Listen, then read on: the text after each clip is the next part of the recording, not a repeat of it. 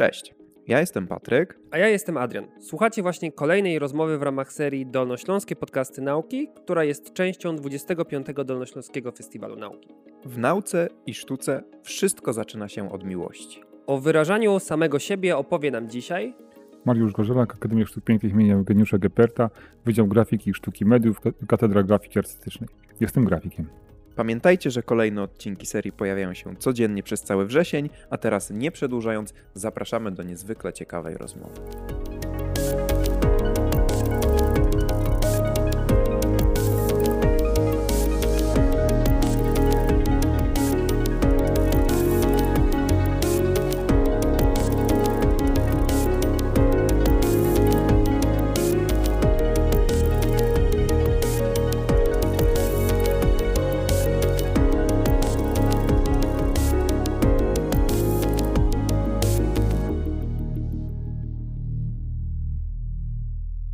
Każdym razie nie mam żadnych zobowiązań dzisiaj, więc spokojnie. Moja, moja rodzina jest u dziadków, więc ja nawet skorzystam z tego, że y, mam wolną chatę, że tak powiem. O. I co, i, i tworzysz?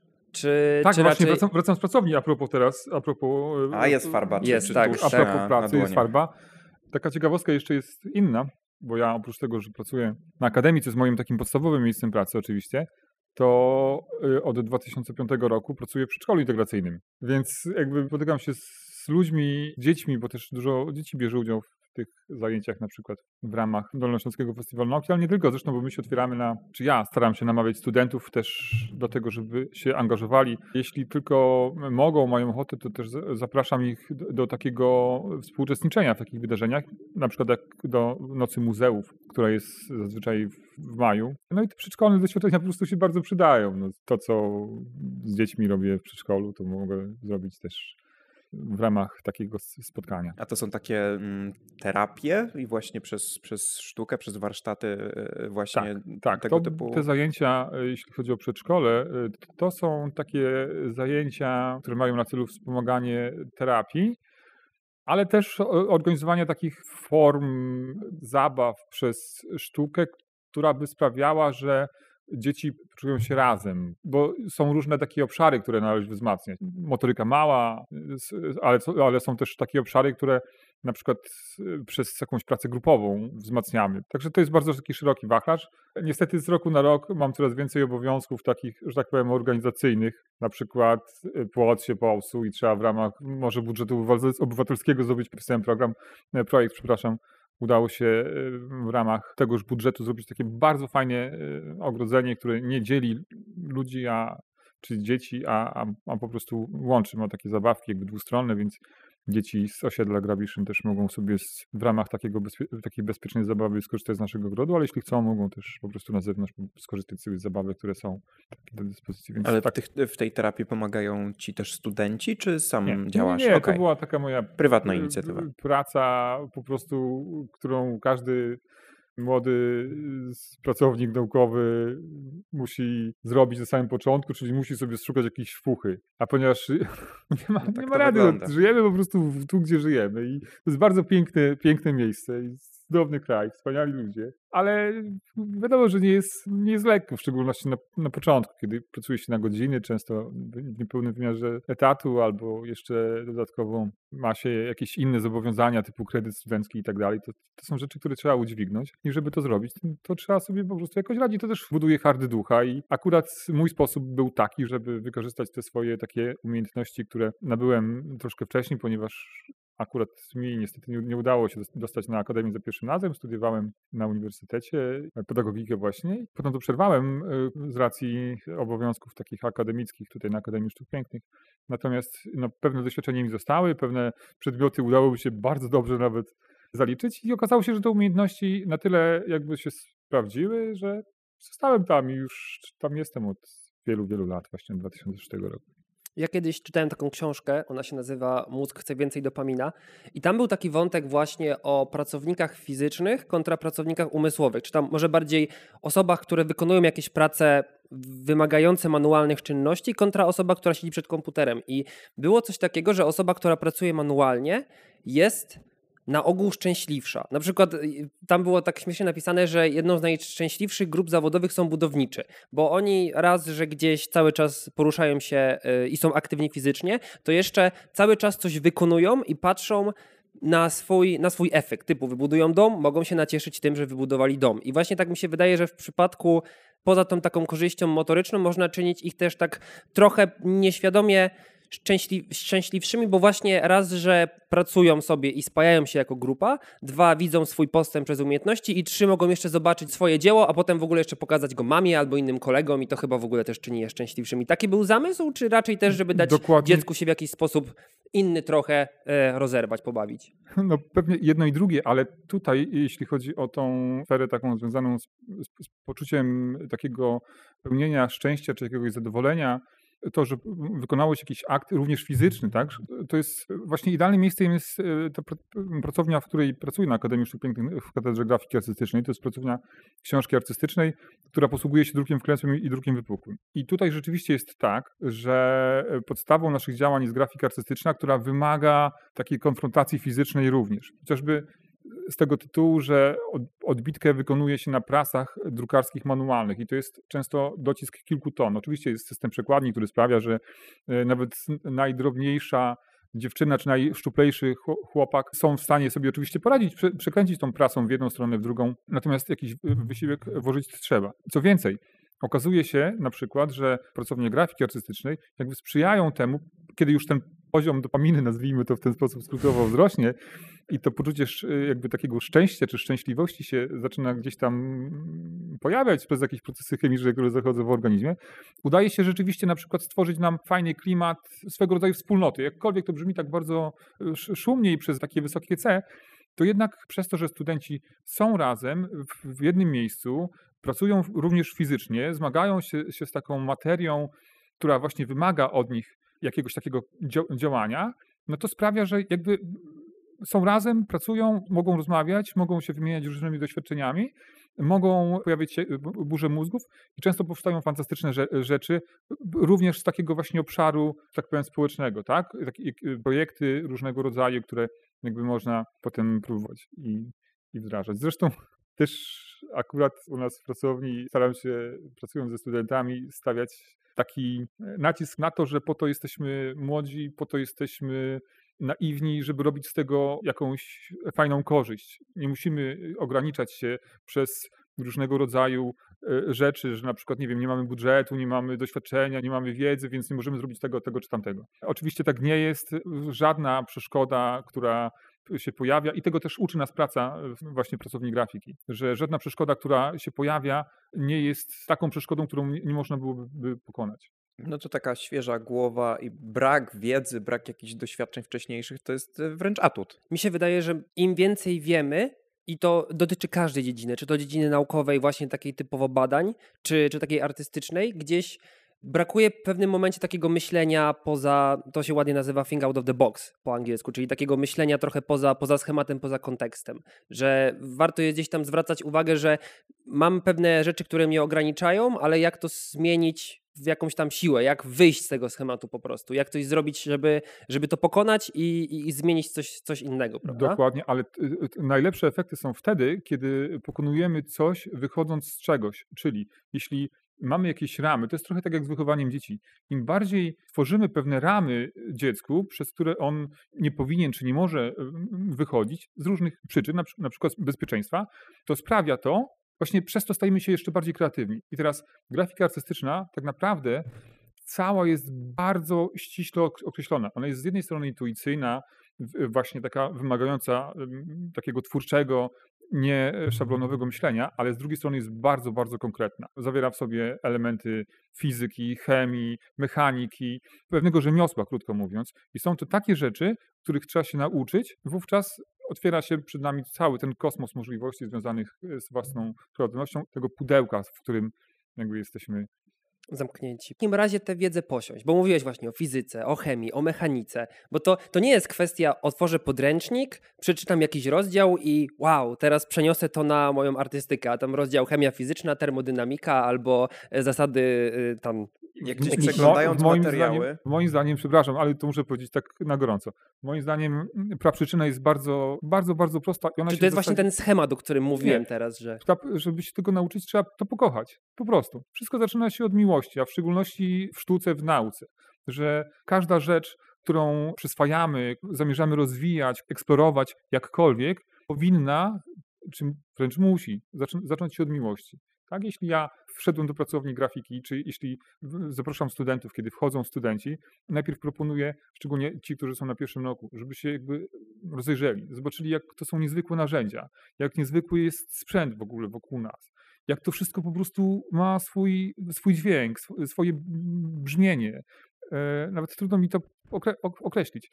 klimat być może? Klimat, o, na przykład. I kiedy jakby ludzie zaczynają to czuć, jakby mie- miejsce, kiedy pojawia się ta miłość, bo pojawiają się przykłady w ogóle niezwykłych dzieł, y, które powstały w obrębie takiej mm, no, skądinąd bardzo niszowej dyscypliny, e, dyscypliny sztuki, to nagle okazuje się, że o, i to jest, to jest ten pierwszy krok. A potem już mogę przechodzić przez te wszystkie brudne rzeczy, e, przez te wszystkie trudne rzeczy, przez te wszystkie właśnie zasady bezpieczeństwa, bo to też jest praca z kwasem na przykład azotowym. Także to, no nie, ale wtedy to, to wszystko już- już staje się nie tylko mm, łatwiejsze, ale przede wszystkim przyjemne. A ja chciałem jeszcze zapytać, bo poruszyłeś jedną rzecz, która mi się gdzieś na, nasunęła, bo mówisz właśnie, że pracujesz z dziećmi i w ramach tego zakładam, że uczysz ich pewnych narzędzi, pewnych e, technik i w związku z tym dajesz im, zakładam, jakieś rzeczy do zrobienia.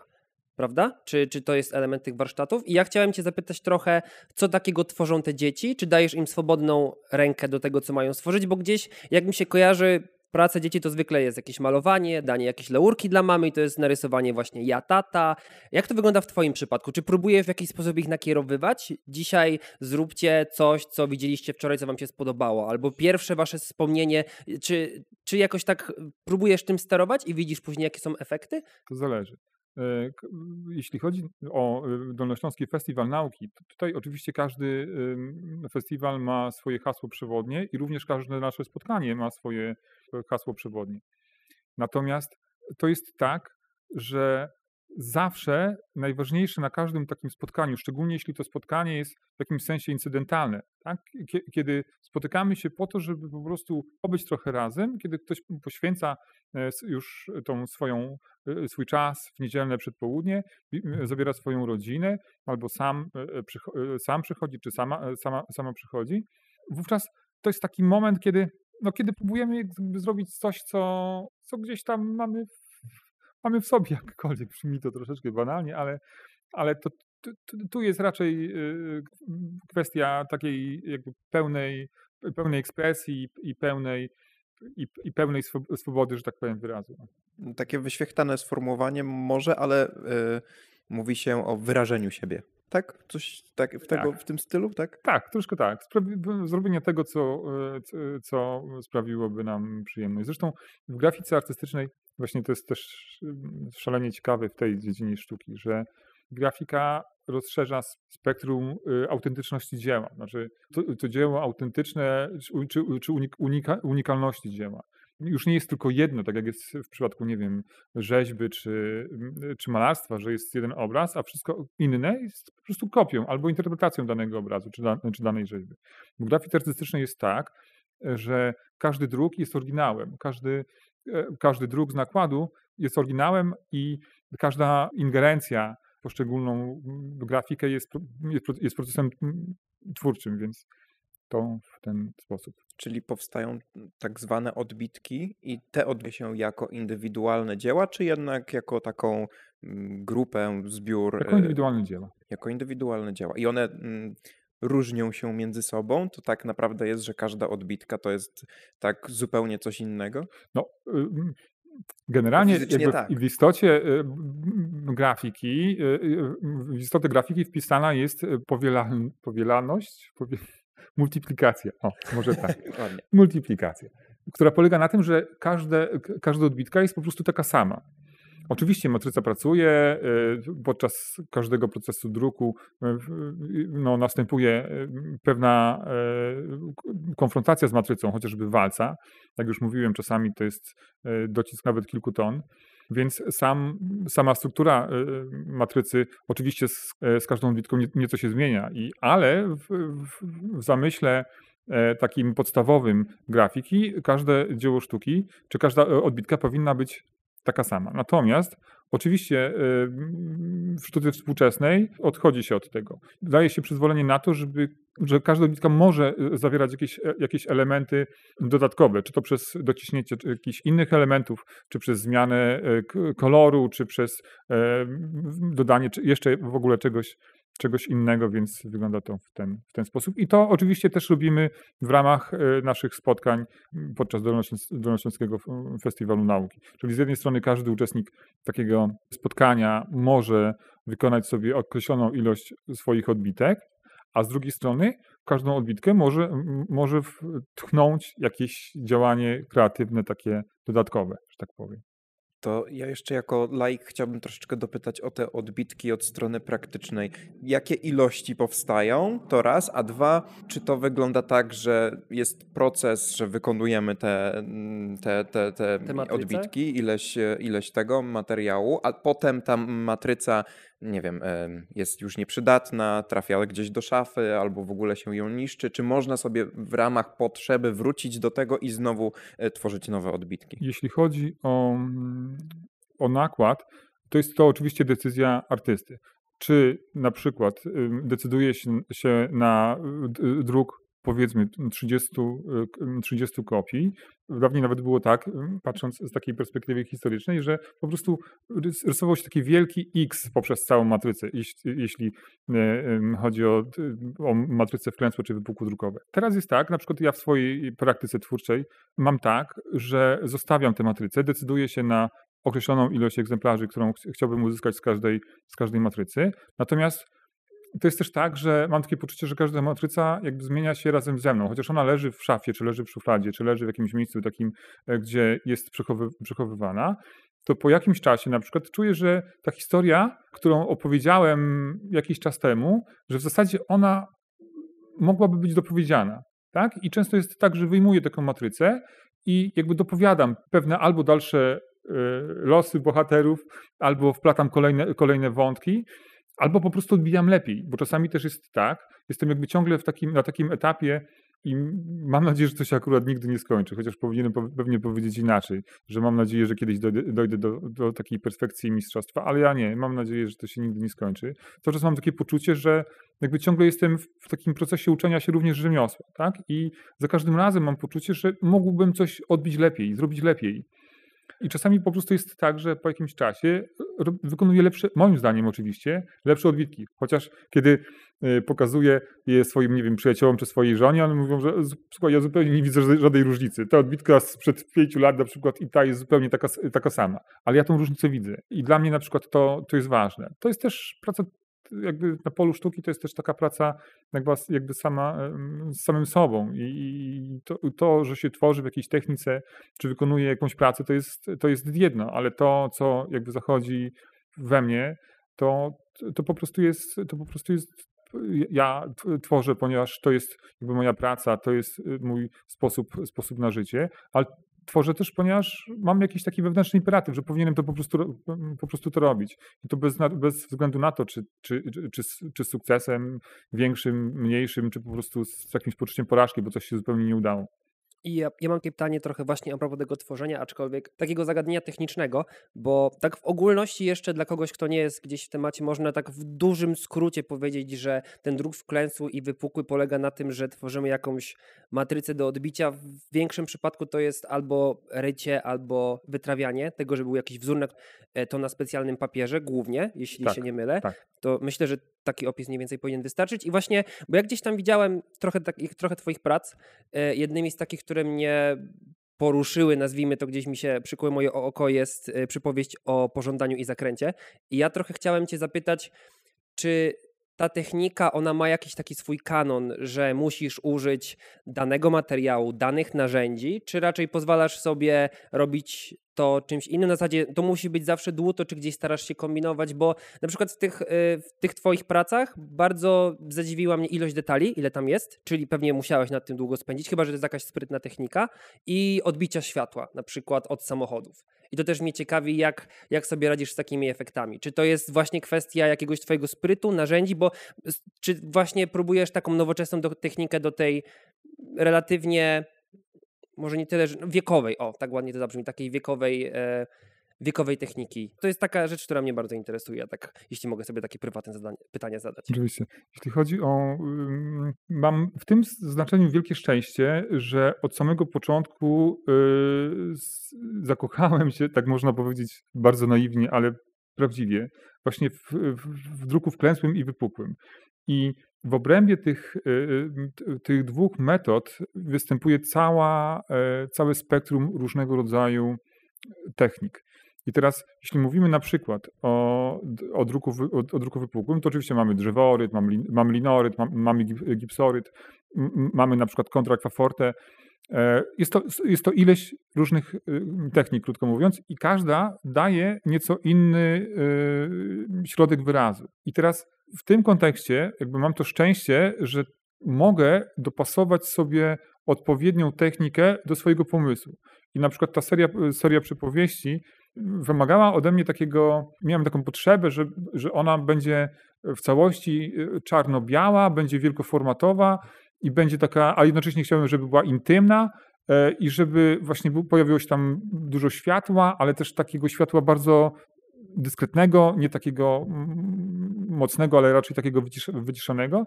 I uznałem, że najlepszą techniką do tego będzie linoryt punktowy. I to jest jedna z w ogóle z najbardziej żmudnych technik, ponieważ polega to na tym, że na e, matrycy, która zrobiona jest z linoleum, e, czy to takiego przemysłowego, czy takiego specjalnie dedykowanego do grafiki artystycznej, ale w zasadzie efekt jest zupełnie ten sam.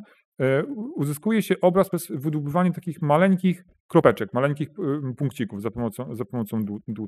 I teraz, żeby zbudować e, jakąś plamę, na przykład na polu, już tak mówiąc technicznie, jeden centymetr kwadratowy, kilkadziesiąt bądź kilkaset małych punkcików dłonią. Jeden, dwa, trzy i tak dalej, i tak dalej, i tak dalej. Teraz e, jeśli mówimy o jednym centymetrze kwadratowym, no to wychodzi nam powiedzmy kilka, e, kilkadziesiąt, czy kilkanaście, kilkadziesiąt takich stuknięć. A obraz ma? A jeśli mówimy o formacie metr na 70, tak, no to, to, to już się robi, to już trochę, trochę jest i wchodzi się w, już w taki obszar bardzo, że tak powiem, medytacyjny, który jest trochę tak jak z takim, nie wiem, przybywaniem w jakimś y, odludnym miejscu. Człowiek na przykład decyduje się na jakąś podróż, na przykład, nie wiem, na pustynię albo, albo do jakiejś dżungli i to jest tak, że przez, y, decyduje, że spędzi tam jakiś czas, podróżując, nie wiem, eksplorując y, to, to miejsce i w tym czasie, powiedzmy tygodnia, miesiąca czy roku, jakby przechodzi przez wszelkie sta y, stadia również wewnątrz samego siebie. Od miłości, fascynacji, jak, jak tu pięknie w koło, aż po taką nienawiść, Boże, znowu te komary, nie wiem, znowu ten piasek w oczach, aż po, i, i, na końcu po takie poczucie jakby solidnie zrobionej roboty. Tak, udało mi się, spędziłem, chciałem spędzić przez y, tydzień czasu samotnie w dżungli, udało się, tak? Chociaż jeszcze dwa dni temu, czy dzień te, y, wcześniej... Chciałem się spalić. Chciałem spalić po prostu, wyrzucić, nie wiem, w ogóle, Boże, po co stworzyłeś taką okropną dżunglę, po prostu komary, węże i tak dalej.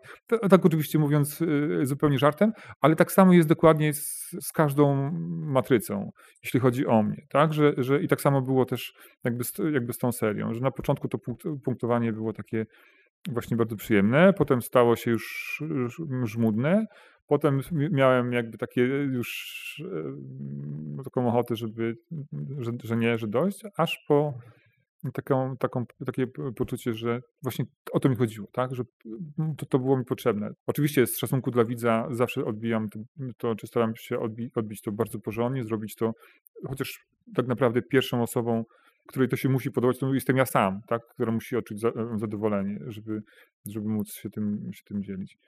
A to, że pojawia się dużo detali, ja zawsze lubiłem taką sztukę jakby narracyjną, w której mogę coś opowiedzieć. Jakby nie zawsze miałem poczucie, że to, co mówię jest mądre, czy to, co mówię jest w jakiś sposób wybitne, ale zawsze miałem poczucie, że jakby warto mówić po prostu, warto jakby zbierać historie i warto je po prostu opowiadać, czy robi się to, się to za pomocą, nie wiem, jakiegoś elementu realnego, czy jakiegoś, jakiejś formy abstrakcji, ale zawsze to powinno e, to powinno jakąś historię opowiadać. Oj, jakoś zapętliłem.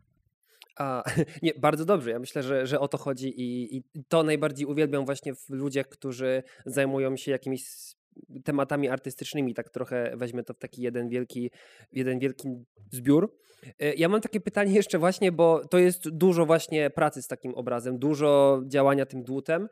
I to jest tak, że ja wiem, że też gdzieś częściowo, jak próbowałem analizować technikę, to jest tak, że częściowo robi się na przykład kalkę, i gdzieś się rysuje taki za, zarys tego obrazu, który chce się stworzyć. Zakładam, że albo pytanie właśnie, czy ty też tak robisz, czy raczej lecisz sobie tak improwizując i właśnie, czy czasami zdarza ci się, bo podejrzewam, że to są częste sytuacje, że to dłuto nie zawsze pójdzie tu, gdzie chcesz? Nie może.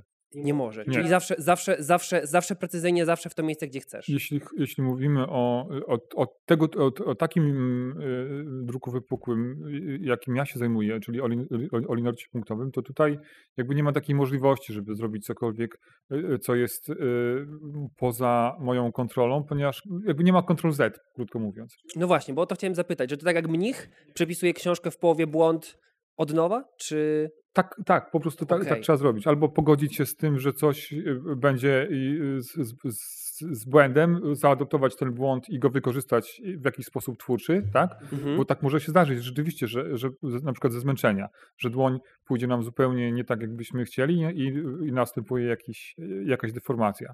Natomiast jeśli chodzi o, o projektowanie, to jest różnie. Tu każdy artysta, ja też mam tak, że jakby inaczej podchodzi do y, samego procesu powstania e, dzieła, dzieła sztuki. Czasami on się rodzi w głowie i potem człowiek sobie siada do biurka, czy siada przed jakimś, mm, jakąś materią, z której ma zamiar coś, coś zrobić i po prostu to, co się w głowie urodziło. Czasami siedzi za pomysłem, że tak, nie wiem, patrzy się na, na jak, jakąś, jakąś rzecz przed sobą, wydaje się to, o, trzeba błędem, na przykład mam, nie wiem, mam starą matrycę, gdzie coś zacząłem, to mi się nie podobało, wrzuciłem i nagle myślę sobie, o, ten błąd jest super, pójdźmy jakby w tym kierunku. A czasami jest tak, e, że po prostu siedzi się i się projektuje. Chodzi się ze szkicownikiem, rysuje się takie ujęcie, inne ujęcie, może w ten sposób, może tak zakomponować, może tutaj ułożyć ten element, a może go przesunąć bardziej do środka, może w lewo, może cały taki proces projektowy. I to zależy oczywiście. To zależy też od tego, co się, co się chce powiedzieć, od tego, jak się chce powiedzieć i, i też komu się chce powiedzieć, tak? Bo czasami, nie wiem, projektując na przykład jakiś ex libris, który e, projektuje się dla konkretnej osoby, tak? To, to, to, no to wówczas trzeba tą osobę trochę poznać, trzeba e, wiedzieć, co by się chciało e, dla tej oso osoby jakby zrobić, jaki element wkomponować i to trzeba po prostu usiąść, rozrysować, zaprojektować, nie wiem, posłużyć się, się fotografią, to jest całe spektrum narzędzi, które właśnie wchodzą w taki zakres projektowy. Pewna rzecz, którą powiedziałeś już jakąś chwilę temu, mnie szczególnie zainteresowała, więc postawię teraz pewną tezę i poproszę Ciebie o jakieś takie ustosunkowanie się do tego. Czyli samo opowiadanie, sam proces opowiadania, sposób przekazu jest ważniejszy niż to, co jest opowiedziane, niż sama treść, powiedzmy. To prawda, czy niekoniecznie jest tak w Twojej sztuce? Ojej, to jest bardzo trudne pytanie i bardzo mądre pytanie w zasadzie. Bo tak gdzieś właśnie wokół, wokół tego gdzieś krążyła taka myśl, że bardzo ważne jest cie, dla ciebie to, jak, jak coś przekazujesz, a niekoniecznie może Do, e, to, co jest tak, przekazywane. Tak, po, ponieważ jakby mam takie poczucie, to jest właśnie, to jest chyba i tak, i tak, bo czasami y, mam takie poczucie, że to, co mówię, może niekoniecznie, czy to, co chcę pokazać, może niekoniecznie jest, nie wiem, najlepszym dowcipem na świecie, albo niekoniecznie jest najmądrzejszą sentencją, albo niekoniecznie jest najpiękniejszą opowieścią, nie wiem, o miłości, jaką, e, jaką czytałem. Ale to jest moja opowieść i mam poczucie, że jeśli dobrze tą historię poprowadzę, to być może odbiorca pomyśli sobie, ok, może to nie jest odkrywcza historia. Oni po prostu się spotkali na przykład i, i się rozeszli ale sposób narracji sprawił, że jest coś ujmującego w tej opowieści. Więc jakby zostawiam sobie taką furtkę bezpieczeństwa, tak, że, że, że chciałbym mówić tylko mądre rzeczy, chciałbym mówić tylko wybitne rzeczy, tylko y, najśmieszniejsze rzeczy, najbardziej odkrywcze rzeczy, najmądrzejsze i tak dalej, i tak dalej. Ale tak niestety nie jest. Taka trochę wręcz niepewność z ciebie wychodzi w tym momencie. Niepewność co do tej treści, że, że u, u, pewien sposób ubezpieczania się w ten sposób, że, że to ten sam prze, sposób przekazu jest y, ra, ratujący, taki y, dodający dodatkowej wartości. Jeszcze inna kwestia, jak to ktoś zrozumie, prawda? No bo to, to, bo jest to odbiór to, to już zupełnie. Tak, odbiór to inna kwestia. I właśnie te, trochę a propos tego odbioru, bo również poza tym, że sam tworzysz, to też jesteś, e, uczysz na Akademii Sztuk Pięknych, tak? To jest przedmiot grafika artystyczna, jeśli dobrze pamiętam. Dokładnie. Jest to, jest to grafika, grafika artystyczna i podstawy grafiki artystycznej dla młodszych studentów. I to jest właśnie sam wykład historia, czy bardziej takie elementy tworzenia też zaprzęgasz? Zawsze. To jest, y, y, generalnie każde y, zajęcia są prowadzone jakby równolegle. Jest to teoria, nauka technologii, oraz praca nad, nad e, konkretnym projektem. Zazwyczaj są to projekty, e, z którymi przychodzą sami studenci. My czasami z moją szefową, panią profesor Anną Janusz-Strzyż, podpowiadamy jakieś tematy, sugerujemy jakąś, jakiś sposób narracji, natomiast zawsze podążamy za studentem. W sensie, czy ja próbuję w taki sposób pracować, żeby, żeby idąc za pomysłem e, studenta, przekazywać wiedzę z zakresu techniki i technologii, ale też pomóc przeprowadzić właśnie cały ten proces twórczy nad samym, nad samym dziełem. Tak, żeby zrealizować, dać narzędzia i sposoby realizacji danej idei. Dokładnie tak. A moje pytanie wiąże się z tego, bo rozmawialiśmy kiedyś z panią Aleksandrą Pijarowską z Akademii e, Muzycznej i tam zapytaliśmy właśnie o to, że jak w takim razie oceniać muzykę? I tak samo chcielibyśmy takie pytanie do Pana, bo zakładam, że to jest jakaś praca na zaliczenie, pewnie, tak. jakiś tam stopień trzeba wystawić. I teraz jak Pan sobie radzi z ocenianiem prac studentów? Czy to jest właśnie bardziej pod kątem rzemiosła, czy jakiś taki wywiad, co tutaj chciałeś y, przedstawić, jak sobie to poradziłeś? E, jak, jak tutaj znowu powiedzieć, czy to jest, no może nie, że dobre, że niedobre, ale jak to ocenić? Jak odróżnić pracę na 5 od pracy na 4? Tak, na przykład, czy to, jest właśnie, czy to jest właśnie bardziej spryt, typu ktoś zrobi obraz taki jak okno w takim właśnie linorycie, czy ktoś na przykład weźmie kawałek takiego malutkiego linorytu, który zrobił wczoraj, weźmie kreskę na środku i nazwie to samotnością. I na przykład, czy, czy, czy masz takie sposoby w jakiś sposób? Jak sobie... Na każdej uczelni jestem przekonany, że tak samo jest na Akademii Muzycznej, Y, na naszej akademii y, również są pewne kryteria ocen i one są jasne dla każdego studenta, na, na, przedstawione są na pierwszych zajęciach. Y, jakie warunki należy spełnić, żeby otrzymać określoną określoną ocenę.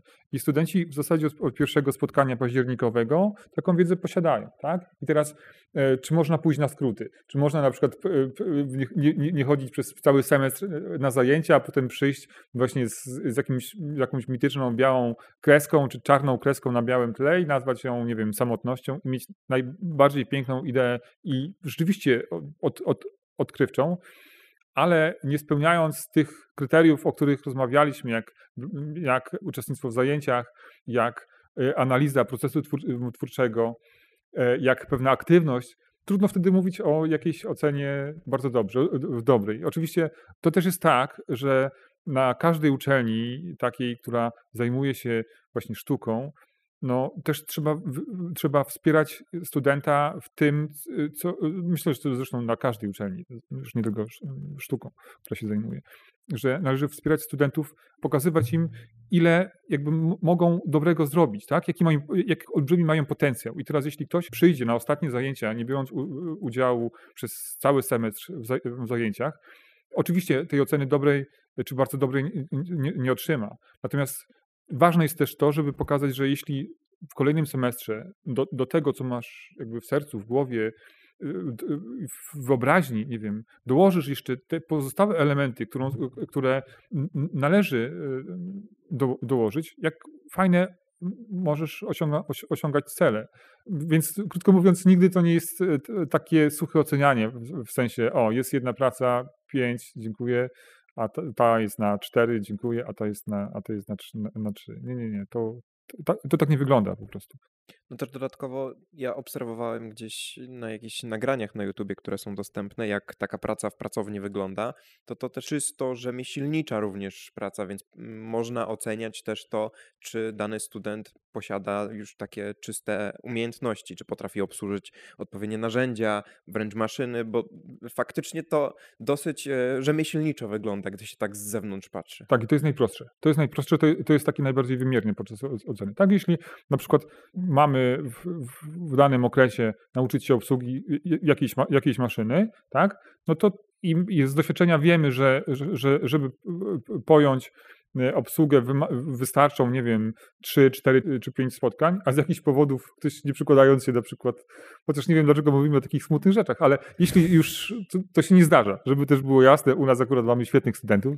Ja ale, też nie wiem, dlaczego mi akurat przychodzi ale, do głowy cwaniacy i ściągacze. Nie wiem. Nie, nie, ma, nie ma ściągaczy, nie ma cwaniaków, więc jesteśmy tak małą uczelnią, że naprawdę to aż byłoby, ja mam takie poczucie że czasami, że nawet moim studentom byłoby bardzo tak chyba niezręcznie zrobić mnie jakoś tak, mówiąc brzydko, w konia, że na przykład pójść gdzieś na skróty albo nie. Nie, wszyscy się znamy, jesteśmy, e, jesteśmy bardzo często w takich, no, takich naprawdę w takich do, po prostu dobrych relacjach, tak? Bo to nie tylko praca taka w ramach e, spotkań poświęconych e, konkretnemu przedmiotowi, ale to są też projekty, do których zawsze zachęcamy studentów do brania udziału.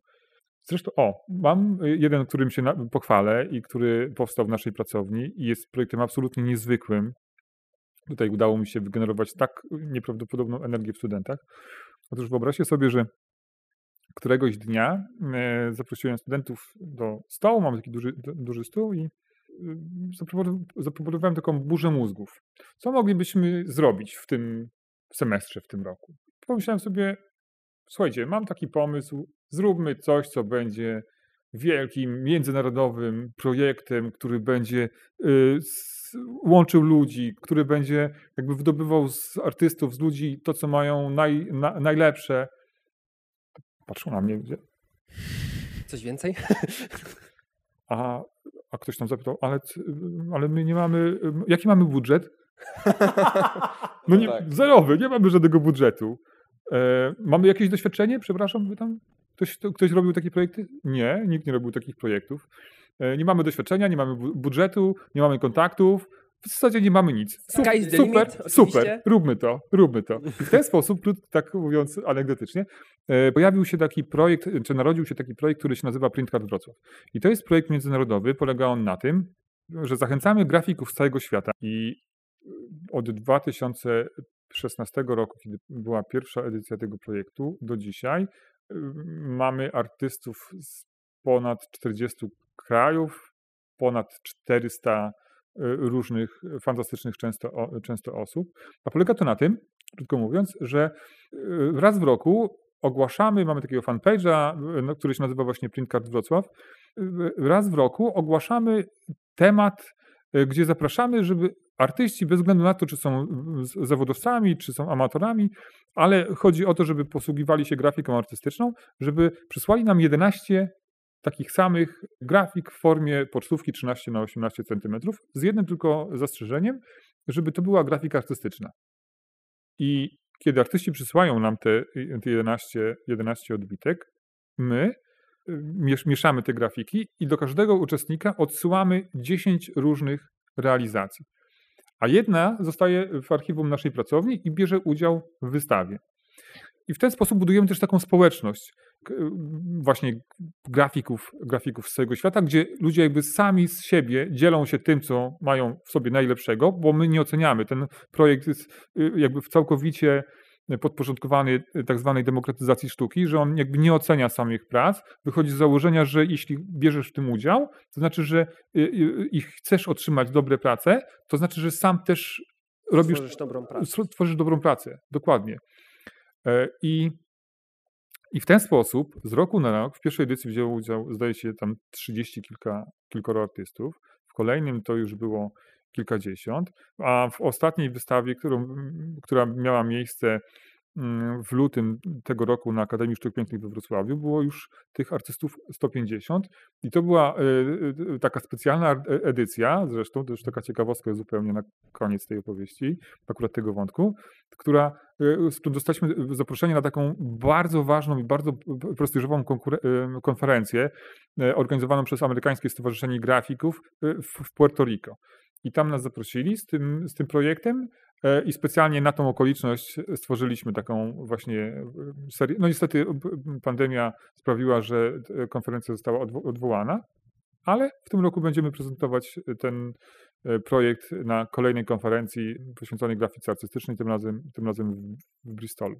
Najnowsza edycja w tym roku, która została jest robiona przy współpracy E, z, e, z, z Johannes Lief Muzeum, e, to jest takie muzeum estońskie, genialny poeta, zresztą troszeczkę też związany z, z Polską. I jest to taka seria poświęcona piaskowi, ponieważ Lief po estońsku znaczy piasek. Nie wiem, czy wiecie, ale piasek jest jednym z takich ważniejszych problemów współczesnego świata. Tak, tak, tak. Jest, jest, taki jeden słynny film, Piasek się skończył. I to jest, i to jest nieprawdopodobne. Ja, ja zastanawiając się, co mógłbym, akurat jakoś tak natchnęło mnie tutaj.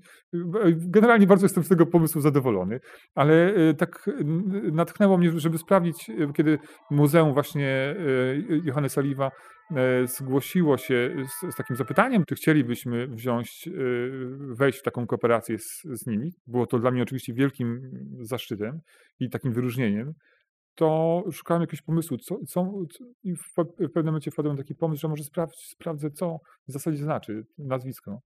Okazało się, że piasek i wtedy czytając o tym, y, o tym piasku zrozumiałem, że to jest rzeczywiście nieprawdopodobnie trafiony temat, który jakby y, bardzo jest taki metaforyczny, ale jednocześnie też bardzo konkretny, mówiący na przykład o takim problemie, gdzie piasek, który się kończy, rzeczywiście rodzi konflikty. Na przykład są e, prowadzone działania różnego rodzaju straszne, właśnie po to, żeby przejąć e, zasoby piasku, które jest po prostu niezbędne do wielu rzeczy. Zresztą, a z drugiej strony problem e, filozoficzny, gdzie jest mowa o tym, że jeśli mamy kopiec piasku i odejmujemy po jednym ziarenku i kiedy zostaje nam tylko jedno już na samym dnie, że tak powiem, to czy to dalej jest kopiec, czy już nie. Więc, także bardzo taki temat okazał się poetycki, metaforyczny i to jest w, w trakcie realizacji. Na jesień będziemy e, ten projekt prezentować we Wrocławiu, ale póki co jeszcze szczegółów niestety nie znam.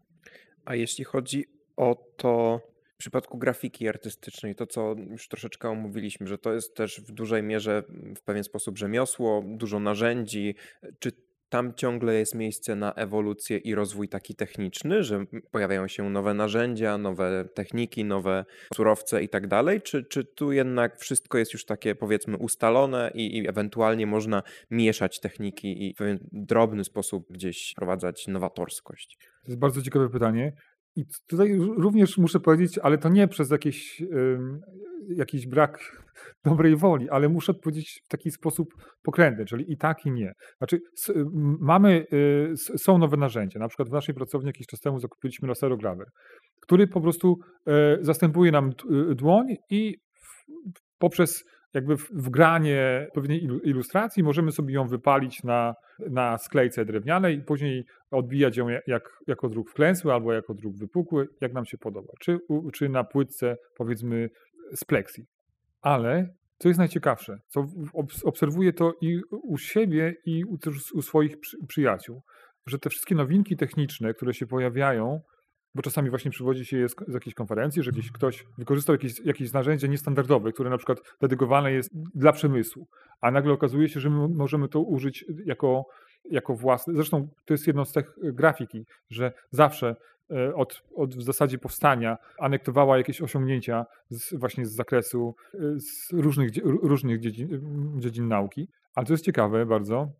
Być może to ma związek z tą miłością, taką, o której mówiłem na samym początku, że większość, zdecydowana większość artystów zawsze wraca do tych klasycznych, e, klasycznych technik. One są tak pojemne, są tak ciągle współczesne i tak twórcze i tak pozwalają na, e, na snucie najbardziej, nie wiem, współczesnych opowieści, czy najbardziej opowieści osadzonych w tu i teraz, że, że, że to jest takie chyba najbardziej, najbardziej pociągające. To jest trochę tak jak z podróżowaniem, że, że ta grafika jest takim powiedzmy domem dla, graf, dla grafików, ale każdy musi wcześniej czy później gdzieś się ruszyć, pojechać na wakacje, nie wiem, y, wybrać się na jakąś wycieczkę, przeżyć przygodę, wybiera się, przeżywa tą, się tą przygodę. Często jest to, nie wiem, chwilowy romans, czasami to jest nawet długa miłość, ale wraca się E, wcześniej czy później do domu. Lubię wracać tam, gdzie byłem już. Troszkę tak, troszkę tak, tak. I to, i to, i to jest fantastyczne. To jest y, jakby coś, co,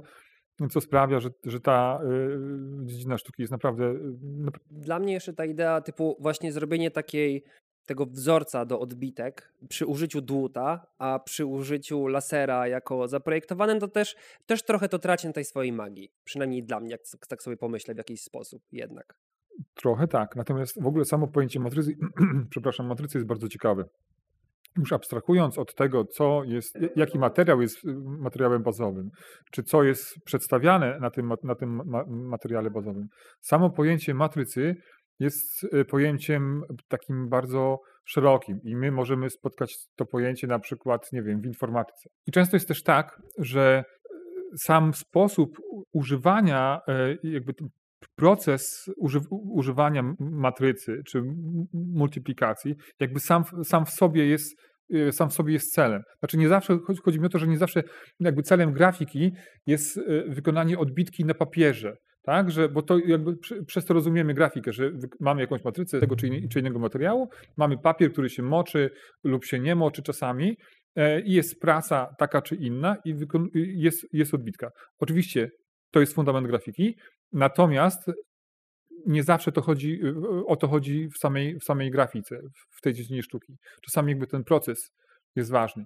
Czasami ten przypadek, który się, się, się pojawi poprzez, nie wiem, kontakt, kontaktu, kontakt matrycy z, pod, z podłożem, jest jakby szalenie ciekawy pod względem takim twórczym, czy snucia pewnej, pewnej, pewnej, pewnej opowieści. Więc to już są takie obszary, które no, kompletnie rozszerzają pojęcie grafiki artystycznej. Czyli sam proces dążenia do celu jest czasami ważniejszy niż, niż, tak. ten, niż ten ostateczny cel. A jeśli chodzi właśnie o ten ostateczny cel, te, to końcowe dzieło, to czy dużo tracimy oglądając jakąś komputerową reprodukcję po prostu na ekranie monitora? Czy dużo tracimy w odbiorze? Tracimy, jak nie wiem, fakturę, jakąś głębię tego? Czy ten odbiór jest zupełnie inny? No właśnie my z Adrianem chyba jedynie z taką grafiką tak. artystyczną głównie mieliśmy styczność przez ekran monitora, więc jestem ciekawy, czy dużo straciłem. No myślę, myślę, że, myślę, że tak, bo jest coś takiego, coś to y, mówił y, nieżyjący już niestety e, profesor Eugeniusz Getstankiewicz o czymś takim jak kultura papieru. To jest trochę tak, jak nie wiem, z, z obserwowaniem świątyni na, nawet na telewizor, telewizorze i do względu o jakiej mówimy, mówimy religii. E, nawet na największym ekranie, nie wiem, komputera czasami y, ilość detali, którą możemy dostrzec, jest tak imponująca, że to jest niezwykłe doznanie. Ale ten prawdziwy duch jest tylko wtedy, kiedy wejdziemy do niej do środka, tak? Wtedy czujemy, że ludzkość po coś buduje te świątynie, tak? Że tam w, w, w środku tych świątyń jest, i są zupełnie jakby inne emocje i czuć te emocje niż te, które są na, na zewnątrz. Oczywiście wymaga to od nas odrobiny wrażliwości, odrobiny, odrobiny otwarcia się na, na to, co nas otacza i bycia tu i teraz, tak? Bo czasami jest tak, że kiedy podróżujemy z jakąś wycieczkę, wchodzimy do, do kolejnej, najpiękniejszej nawet świątyni, nie przeżywamy niczego, tak? Ale jeśli zatrzymamy się, jakby to poczujemy takiego ducha i to samo jest też z grafiką, że, czy w ogóle z, dzie, z, dziełem, z dziełem sztuki, że współczesne media, czy narze, współczesne narzędzia, szczególnie te wysoko zaawansowane, pozwalają nam e, dotknąć e, nawet bardzo głęboko poszczególnego dzieła w sensie takim stricte wizualnym, no ale odbierają nam oczywiście tego ducha, tak? To, które jest czuć, nie wiem, to ten fakturę papieru, zapach odbijanej farby, to jest po prostu nie do, nie do zastąpienia w takim takim obcowaniu ze sztuką oczywiście. I najprostszym sposobem byłoby wybrać się na Akademię Sztuk Pięknych, zakładam. I najprostszym sposobem byłoby się wybrać na Akademię Sztuk Pięknych, do czego bardzo, bardzo serdecznie zachęcam i zachęcam i, zap i zapraszam. Cieszę się bardzo, że już od tego 2013 roku mogę brać e, udział w tym w przedsięwzięciu, jakim jest e, Dolnośląski Festiwal Nauki. Zawsze dla mnie jest to bardzo ciekawa i fajna przygoda. Wierzę, że również dla uczestników takich spotkań również jest to ciekawa i fajna i długo zapamiętana przygoda. Mogę się pochwalić, że e, frekwencja jest bardzo duża. Jestem z tego dumny, że co roku tych osób, które chcą przyjść na akademię, wybrać się z rodzinami czy samemu jest, y, jest coraz więcej. Oczywiście z wyłączeniem pandemii. Y, pandemia sprawiła, że no, straciliśmy tego ducha po prostu, miejsca. Teraz tych obostrzeń, miejmy nadzieję, już nie będzie, więc tym bardziej wszystkich serdecznie zapraszam. I w tym roku właśnie można między innymi będzie sobie zrobić taką odbitkę, jak mnie mam. A tak ogólnie, co jeszcze można na przykład w ramach odwiedzenia Akademii Sztuk Pięknych y, zobaczyć, poznać? Co takiego można zrobić w trakcie Dolnośląskiego Festiwalu Nauki? Mm, ja myślę, że w ogóle samo, samo takie wejście do y, pracowni, tak, takiej jaką jest nasza, nasza pracownia, już jest bardzo takim ciekawym przeżyciem. Tutaj w szczególności dla tych wszystkich y, osób, które interesują się właśnie jakimiś takimi technicznymi rzeczami, obcowanie z, z prasami, z narzędziami, które się u nas pojawiają, no, są naprawdę fajnym, fajnym przeżyciem. Dodatkowo oczywiście będzie wystawa, będą prezentowane przykłady prac, zarówno z grafiki artystycznej, jak i z książki artystycznej, bo to jest jakby kolejny temat, na którego już teraz pewnie nie mamy czasu, ale to jest jakby kolejna rzecz, e, która jest jakby taką integralną częścią grafiki artystycznej, w szczególności w naszej, w, naszej, w, naszej, w naszej pracowni. I po prostu fajnie się bawić. Zwyczajnie, najzwyczajniej w świecie przyjść i spędzić bardzo sympatyczny, fajny, niedzielny poranek. A jak to się stało, że Pan znalazł się na tej drodze? Bo jednym z ostatnich rzeczy, no tu bardzo dużo pada o wyrażaniu siebie, o inspiracji, o tym, jak robisz to Ty, jak pomagasz innym ludziom wyrażać siebie. I teraz pytanie brzmi nasze na sam koniec właśnie o to, jak to się stało, że, że Ty zacząłeś wyrażać siebie, trafiłeś na, na akademię i zacząłeś się interesować właśnie y, drukiem wklęsłym, wypukłym. Czy, czy było coś takiego przełomowego na twojej, na twojej drodze, czy tak po prostu jakoś tak, tak, tak wyszło? Mm, to znaczy, w moim przypadku y, uśmiecham się teraz, bo y, to w zasadzie zabawna historia jest, ale mm, ja pochodzę, z, czy wychowałem się w takim niedużym robotniczym mieście, jakim jest Bełchatów, to jest województwo, województwo łódzkie. Kiedy próbowałem przekonać swoich rodziców, będąc w szkole średniej, że może bym się wybrał na Akademii Sztuk Pięknych, że tak ktoś nie tak ciąg, ciągnie, to chciałem przekonać w szczególności swojego ojca, że równocześnie mógł mieć bardzo porządny i dobry zawód, więc powiedziałem sobie, że grafika będzie takim idealnym jakby elementem, że wytłumaczę mu o tym, to, to, to no, tak oczywiście mówię pół, żart, pół żartem, pół serio, że, że łatwiej mi będzie przekonać ich do tego, czy uspokoić może, bo nawet nie przekonać, moi rodzice zawsze we, we mnie wierzyli, mam to szczęście, Natomiast uspokoić ich, że to jest jakby dobry wybór, który również e, pozwala kontynuować te wartości, które zawsze były głęboki, głęboko zakorzenione w moim domu, czyli związane z taką pracowitością, z taką odpowiedzialnością, z tym, że po pracy należy przyjść do domu, że należy mieć, opiekować się swoimi bliskimi i tak dalej, i tak dalej, i tak dalej. Bardzo takie proste, y, y, proste rzeczy. I rzeczywiście to bardzo to uspokoiło moich rodziców, co więcej byli zachwyceni. Natomiast już na samej akademii, kiedy poznałem grafikę artystyczną, stwierdziłem, że no, sorry, ale już po prostu nie chce mi się wchodzić w przemysł ani w żaden. Co nie znaczy, że, porzuca, że porzuciłem swoje wartości, bo oczywiście nie.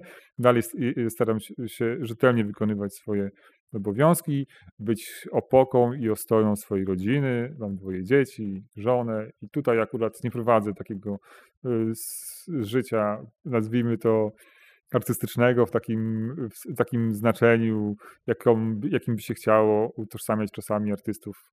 Także no nie, tutaj mam zupełnie, zupełnie nudne, normalne życie, głęboko zatopione w miłości do swoich bliskich, a jednocześnie w takiej fascynacji po prostu sztuką i grafiką. Bo byłem, y, jak mówiłeś o grafice, to właśnie zastanawiałem się, czy to było tak, że mówiłeś rodzicom, tak, tak, grafika, oni, okej, komputer, reklamy, marketing, a tak naprawdę ty myślałeś, dobra, grafika artystyczna, ale to tego już nie muszę dopowiadać, żeby nie zaczęli drążyć i, Dokładnie będzie tak. w porządku. Ale okej, czyli na początku miała być zwykła grafika, ale potem jednak ta grafika artystyczna. No, u nas szczęście jest, y, y, znaczy szczęście, u nas bardzo to jest ciekawe na Wydziale Grafiki i Sztuki Mediów y, na naszej ak- akademii, że każdy student, i tak jest do dzisiaj, podąża takimi dwoma ścieżkami równocześnie, czyli i wybierając kierunek grafika, jednocześnie podąża się ścieżką projektową i artystyczną.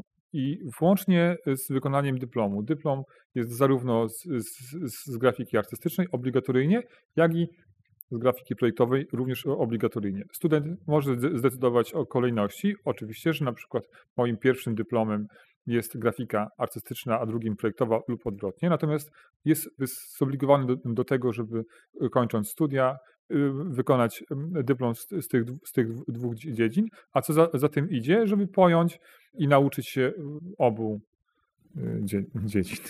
Tak troszeczkę spłaszczając, po prostu jest fach w ręku potem. Tak. Krótko mówiąc, po prostu jak w ręku, a jednocześnie wierzę w to, że otwarte głowy, otwarte serca i, i też mo, i, i, pewna mądrość, którą się wynosi z, z obcowania z, z nami, z, z, z uczelnią, z pracowniami poszczególnymi i tak dalej. I myślę, że z tą otwartą głową i z tym wyrażaniem siebie możemy zakończyć tę rozmowę. Ja bardzo dziękuję. Było to dla mnie bardzo inspirujące i, i, i bardzo się cieszę za możliwość tej rozmowy. Ja, również bardzo dziękuję i było to dla mnie również bardzo, bardzo inspirujące. Y, by- Byłem przerażony y, tym, że, y, że nie będę w stanie powiedzieć, bo po prostu nie będę miał nic do powiedzenia więcej niż 15 minut. To tutaj zdaje się, że chyba zleciało nam faktycznie tego czasu. No, godzina i 15 minut. Jejku, no, nigdy bym w to nie uwierzył na samym początku. Zresztą, jak mam jeszcze sekundkę, ja mam taką historię dla dorosłych, króciutką, jakby, bo często studenci przychodzą na początku i one nie, roz, oni nie rozumieją w ogóle o co chodzi, no bo mógł nie wiedzieć o tym, czym jest grafika, w sensie nie, nie widzieć. Pierwszego spotkania, taką y, w zasadzie bajkę, i giermku. No bo jak powiedzieć o, o, o, tej, o tej grafice i dlaczego się grafika urodziła? Wyobraźcie sobie, że jest giermek i jest rycerz. Mają wyjechać na jakąś bitwę. W sensie rycerz ma jechać. Co, co się dzieje przed taką bitwą? No, Jak- Giermek musi naszykować konia, naszykować konia i tak zbroję. I i zazwyczaj tak było też tak, że, że są jakieś, jakaś parada. No zawsze się wyjeżdża, żeby zmotywować żołnierzy. No tak? To tak, jest od oczywiście. zawsze. Mhm. Więc robi się jakieś, jakieś parady. No ale wyobraźcie sobie teraz, że macie, mamy tych rycerzy i wszyscy są w pełnej zbroi, jakieś tam, a księżniczki tam stoją na jakimś balkonie, rzucają kwiaty. No ale jeśli nasz rycerz chciał się jakoś tak wyróżnić, żeby tam jakaś księżniczka go zauważyła w tym, no to musiał coś wymyśleć, nie? Więc wpadł na pomysł, że do Giermka, że weź mi tam coś zrób na tej zbroi, nie? Czy tam, żebym się wyróżniał, na przykład róże mi namaluj. To było oczywiście łatwo, no bo heraldyka średniowiecze, więc Giermek maluje taką różę, na przykład jakąś farbą organiczną, bo to wtedy tylko takie były. Jest bitwa, wracają. Oczywiście jak jest bitwa, to jest kurz. No i coś to się robi, kiedy żołnierze wracają z bitwy? No znowu się robi paradę, tak? Żeby Mhm. pokazać, że o, tutaj nasi zwycięzcy. No i ten nasz rycerz po prostu patrzy, ma jechać na, na taką paradę, a tu jest cały po prostu taki, uf, tu mu odpadło, tu mu odpadło, że to w ogóle bez sensu. Ja tego gierbka, bach. Kurde, co ty mi tu zrobiłeś? Tu mi odpadło, ten gierbek biedny. Ja nie, przepraszam, to ja nie chciałem, tutaj po prostu odpadło samo. No dobra, więc to zrób inaczej, żeby następna następna bi- bitwa była jakby, no, żeby było lepiej. No i ten giermek nasz wystrzacha stwierdził, że dobra, to weźmy może gwoździa, skoro farba odpada. Aha, i, I wyryje to I wszystko, wyryje, żeby się i po prostu wyryje tym zamalować. gwoździem później. po prostu tutaj jakieś róże, nie? I, I wyrył tym gwo, gwoździem i faktycznie jest taka wypolerowana zbroja i wyryta, y, powiedzmy róża, umówmy się. No to pięknie to wygląda, bo to się wszystko błyszczy i taka czarna, bo się robi cień. No i nasz rycerz no znowu pojechał na tą bitwę, tam księżniczki go, go widziały, ale wraca, wiadomo, bitwa, kurz i tak dalej. No to wszystko fajdane. I znowu tam leje tego gierka, że jak ty co mi zrobiłeś, nic nie widać, w ogóle wszystko się zakurzyło, tu p- przedtem było lepiej, chociaż jakieś kolory były, coś zostawało, a teraz wszystko jest w ogóle w kurzu. I znowu tam leje tego giermka. Giermek zaczyna czyścić tą zbroję. Jest wypolerowana, bo sam polerował. Czyści ją, czyści i nagle stwierdził, o kurde, jak tak czyszczę tą zbroję, to w te wyżłobienia wchodzi mi czarny brud. I to I- lepiej i widać. Wzór tak, jest lepiej I widoczny. wpadł na genialny pomysł, żeby mówić tak, a może jakbym połączył farbę z, z tym wżłobieniem, to to by mi nie odpadało. Połączył y, faktycznie nałożył tam jakiś węgiel, farbę czy coś i rzeczywiście to było to to. Nagle patrzy, odbiło mu się, bo tam miał rękę taką, jak ja teraz, lekko spo- spoconą i nagle okazało mu się, że mu, że mu się odbiło kawałek tej róży.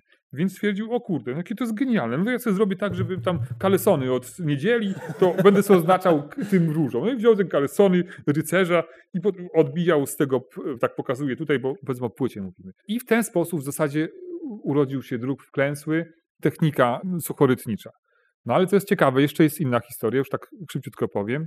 O co chodzi z tym drukiem wklęsłym trawionym? Bo jest druk wklęsły suchy i druk wklęsły trawiony. Jaki był problem dla tego giermka? Zbroja rdzewieje. Nawet nie o to chodzi. On ją polerował i nie, i nie, i nie rdzewieje. Problem był inny. A mówimy o średniowieczu, heraldyka rozbudowana. 365 płatków róży na 365 dni, plus tam 14 kółeczek w środku na 14 świętych jakichś. Taka była heraldyka wtedy, w średniowieczu, tak? To się nam wydaje teraz absurdalne, ale to tak, tak to wyglądało. No i teraz, co jest y, trudnością? Trudno jest połączyć siłę z precyzją. Jeśli masz zrobić 365 płatków róży, W taki, tak? w taki sposób. i Mhm. jednocześnie mocno wbijać tym gwoździem, żeby to wyryć, no to to już nie jest proste, tak? No ale dobra, wracając do tego naszego rycerza. W średniowieczu co się często działo? Oblegane były zamki. I znowu jest tam ta parada, ma tam wyżłobione coś, tutaj elegancko, farba natarta, super wysło. Jest oblężenie zamku. Oczywiście, jak się bronili? Pamiętacie, panowie, jak się bronili w średniowieczu? Wylewali y, olej albo coś rozgrzanego. Dokładnie. Co rozgrzanego oprócz oleju? Smołę. Brawo, brawo. Wylewali, wylewali smołę. Nasz rycerz miał farta y, szeregu tylko w trzecim. No bo pierwszy, wiadomo, smoła na łeb, po prostu już nie ma co zbierać, Trup. do widzenia. Mhm. Już tam zostajecie panowie na zawsze pod tym zamkiem. Ale nasz rycerz miał farta, bo był zachlapany. Zdobyli rycerze zamek, wchodzą do środka. Co się robi, w- kiedy się zdobywa zamek? Co mogło się robić? Jak myślicie? No, łupi się go tak Łupi naprawdę. i co jeszcze? Przede wszystkim, co robią faceci? Znaczy zajmuje... Co robią faceci, No kiedy- kobiety. Tak, ale, ale z czym to się łączy? Z imprezą. Nie, no, widać, że nie chodziliście na imprezy. Nie zdobywaliśmy zamków, Nie, przepraszam, nie no, nie Ro- oblegałem Robi nigdy. się, robi, się, robi się imprezę. Robi się imprezę. Bo wiadomo, król, panowie, zdobyliśmy zamek, to teraz wszystko wynosimy tam z piwnic, pijemy. No i nasz, ryce, nasz rycerz je, pije, a wtedy się nie piło, że tam przez pół godziny 20 do domu, tylko po prostu pije. No i w pewnym momencie ten giernek mówi, panie, wstań już, bo tutaj cały jesteś już taki, że upity, a rycerz, nie, tam jak się pije, to co się dzieje? No, No puszcza się pawia Puszcza się pawia. no. A jak się jest w zbroi, no to ciężko szybko wstać i puścić. Zresztą mi się nawet nie chciało. O, pił, ale dalej pił. A pije dzień, powiedzmy dwa, aż mu się znudziło. No tak już się tak zaczął pom- pomału trzeźwieć. Patrzy zażygany cały, po prostu dawaj tego giermka, bach, przez łeb. Kurde, jak to, taki ja zażygany, tu jestem. Potem, panie, budziłem cię przecież. No, oczywiście nas giermek biedny dostał, dostał po głowie. Zaczyna czyścić. Wiedział, że zbroję wcześniej, bo sam ją przygotowywał, była lustereczką. Co się stało w tym miejscu, gdzie pojawiły się wymiociny? Wytrawiła się. Kwasy, to co się dzieje w, żołądku sprawiło, nawet taki krótki okres cza- czasu wystarczył. Zauważył, że jak wyczyścił coś, to przestaje być lusterkiem, tylko jest matowe takie jakby, nie? A co się stało tam, gdzie była smoła? I pod spodem lusterko. A nasz giermek głupi nie był, myśli sobie, kurde, ej, to genialne jest. Może jak ja bym tak zrobił to smołą, wylał to, potem w tej smo, smole bym narysował tą różę z 365 płatkami, zażygał to, to by po prostu była ten, to by nie musiałbym tak się męczyć z tym, żeby tam tak precyzyjnie robić to jedno z drugie, nie? Genialny. Sam malował smołą, elegancko, patyczkiem jakimś tam, czy tam igiełką, nie musiał ten robić, no ale skąd tyle żygowin, nie? Więc myślę sobie, kurde, no skąd tyle żygowin? I to, to idzie do knajpy, nie? Bo wiaderko i No, chodź, chodź, to- chodź, to- chodź, chodź, chodź, bo te- to się już zbiera. No i dostaje w łeb, no, wyganiają go, znowu go leją, po prostu całe życie gierka przekichane. Leją go, że to nie, no nie będziemy ci żygać do wiatra.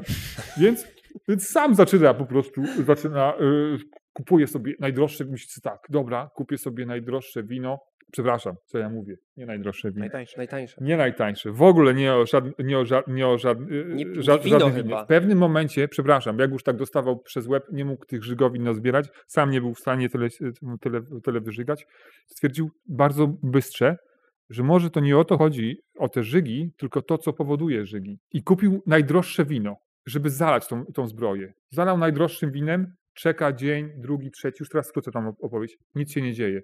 Kupił więc takie najtańsze, skwaszone już po prostu, ocet w zasadzie. Zalał i to było to. I to było to. I w ten sposób ten kwas winny, tak zwany, sprawił. Oczywiście, ta historia, wam powiem, studentom nie- niekoniecznie. Oczywiście ona jest nieprawdziwa, w sensie ja ją sam wymyśliłem. Ale czego ona, ona nas uczy? Osadzenia w historii, tak, że mówimy o późnym średniowieczu i pokazuje nam, czym się różni drób wklęsły trawiony od, od suchego, tak? Trawiony to jest to, że smarujesz smołą, rysujesz, nie musisz używać siły, tak? Możesz precyzyjnie. Chodzi o to, żebyś zalał jakąś substancją, która ci to wytrawi. I trzymać przez określony czas i wtedy Otóż ona to. sobie będzie Otóż to. zrobi swoje, potem tylko to zmyć. Dokładnie.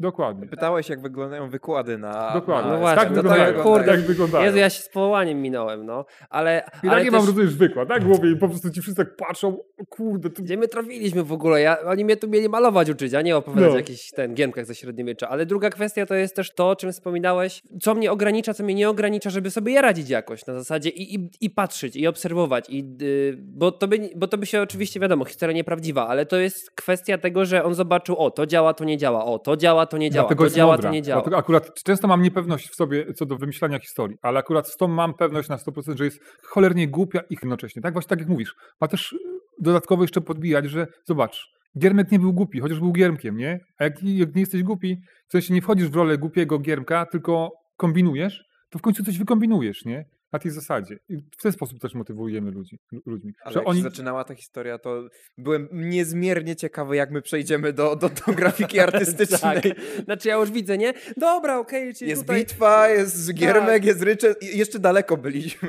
I ja tak sobie myślę, dobra, tu wyrył, okej, dobra, dróg wklęsły, gituwa, Mm. wiem. A tu nie, idziemy dalej, idziemy dalej, No, to idziemy nie. dalej. To jest właśnie suchy i, i, suchy i, i trawiony, nie? To jest taka podsta podstawa bardzo. dobra.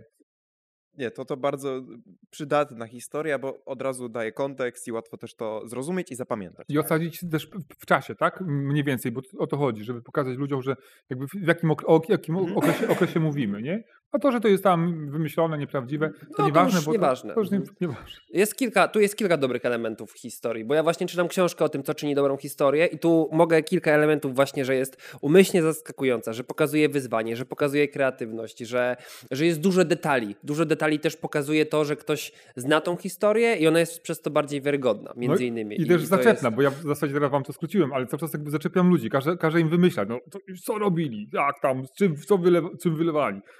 Jak impreza, no to co się dzieje na imprezie? No to tak nie wiedzą, czy powiedzieć, wymiotuje, żyga, puszcza pawia, czy Tak. co? I kombinują, wiesz. A? Wymiotuje się. Jak się wymiotuje? No kto to teraz można wymiotować, ale wtedy w średniowieczu to nikt nie wymiotował, po prostu Jak? z- Nagle- żygali nagle na lewo i prawo. O. Ktoś w końcu po imprezie był i ten, i dał No. sobie tego. Wow, super. super. No dobra, Fajnie, panowie, to już kończymy Dobra, chyba, dobra, to zmierzajmy do, do finału. No cóż, nie pozostaje nam nic innego, jak bardzo e, podziękować i też odesłać do, do wydarzeń związanych z Dolnośląskim Festiwalem Nauki. Dziękuję bardzo. Dziękuję bardzo.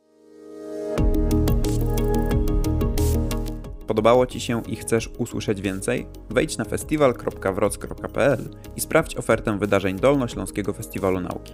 Linki do wydarzeń znajdziesz w opisach odcinków. Chcesz nam coś powiedzieć? Podzielić się swoją opinią? Napisz do nas na festiwalmałpa.uwredu.pl i daj nam znać, co myślisz. Nie zapomnij o polubieniu i subskrypcji. I pamiętaj, liczy się nauka. Do usłyszenia w kolejnych odcinkach.